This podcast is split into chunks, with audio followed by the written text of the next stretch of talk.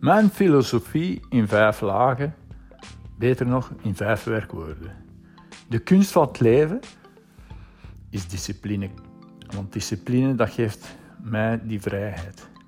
En die vrijheid bestaat, wat mij betreft, uit die vijf werkwoorden. 1. Studeren. Blijven studeren. 2. Reflecteren. 3. Experimenteren. 4. Trainen. En 5. Oefenen. Dus studeren, dat is duidelijk. Je gaat informatie verzamelen. En je gaat dat niet doen in je kop, want dat is de slechtste plaats om dingen te onthouden. Je schrijft dat op. Reflecteren, af en toe moet je die rust vinden en nadenken, je schriftje pakken en zien wat je allemaal verzameld hebt, wat je allemaal gestudeerd hebt en een prioriteiten zoeken in die informatieberg. En niet noodzakelijk wat dat je wilt, maar wat dat je nodig hebt. Wat heb je echt nodig? Je wilt nu een ijscrème, maar wat heb je echt nodig? En dat is meestal niet die een. Dus en over welke informatie wil ik meer kennis opdoen? Dus je krijgt een hele dag veel informatie, je wordt constant getriggerd en ons oerbrein is daarvoor geprogrammeerd om gevaar te ontdekken, alert te zijn.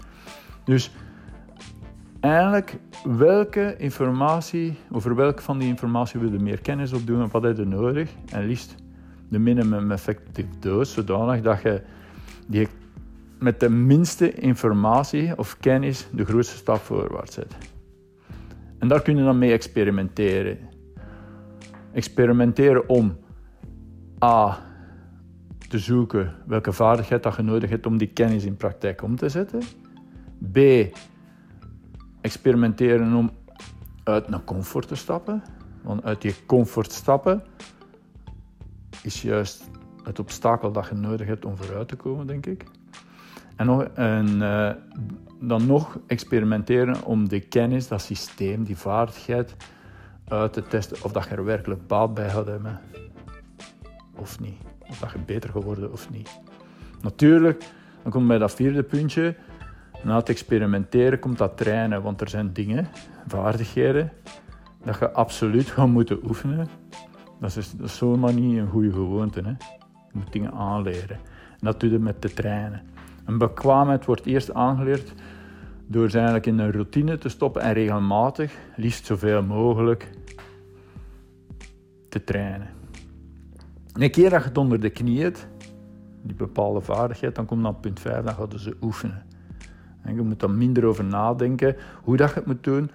Je hebt ze voor 75% onder de knie, dus dan, dan, gaan ze, dan ze oefenen. Dan gieten ze de... Dan gaan ze oefenen totdat de discipline eigenlijk een, gewoonte wordt, gelijk je tandenkussen.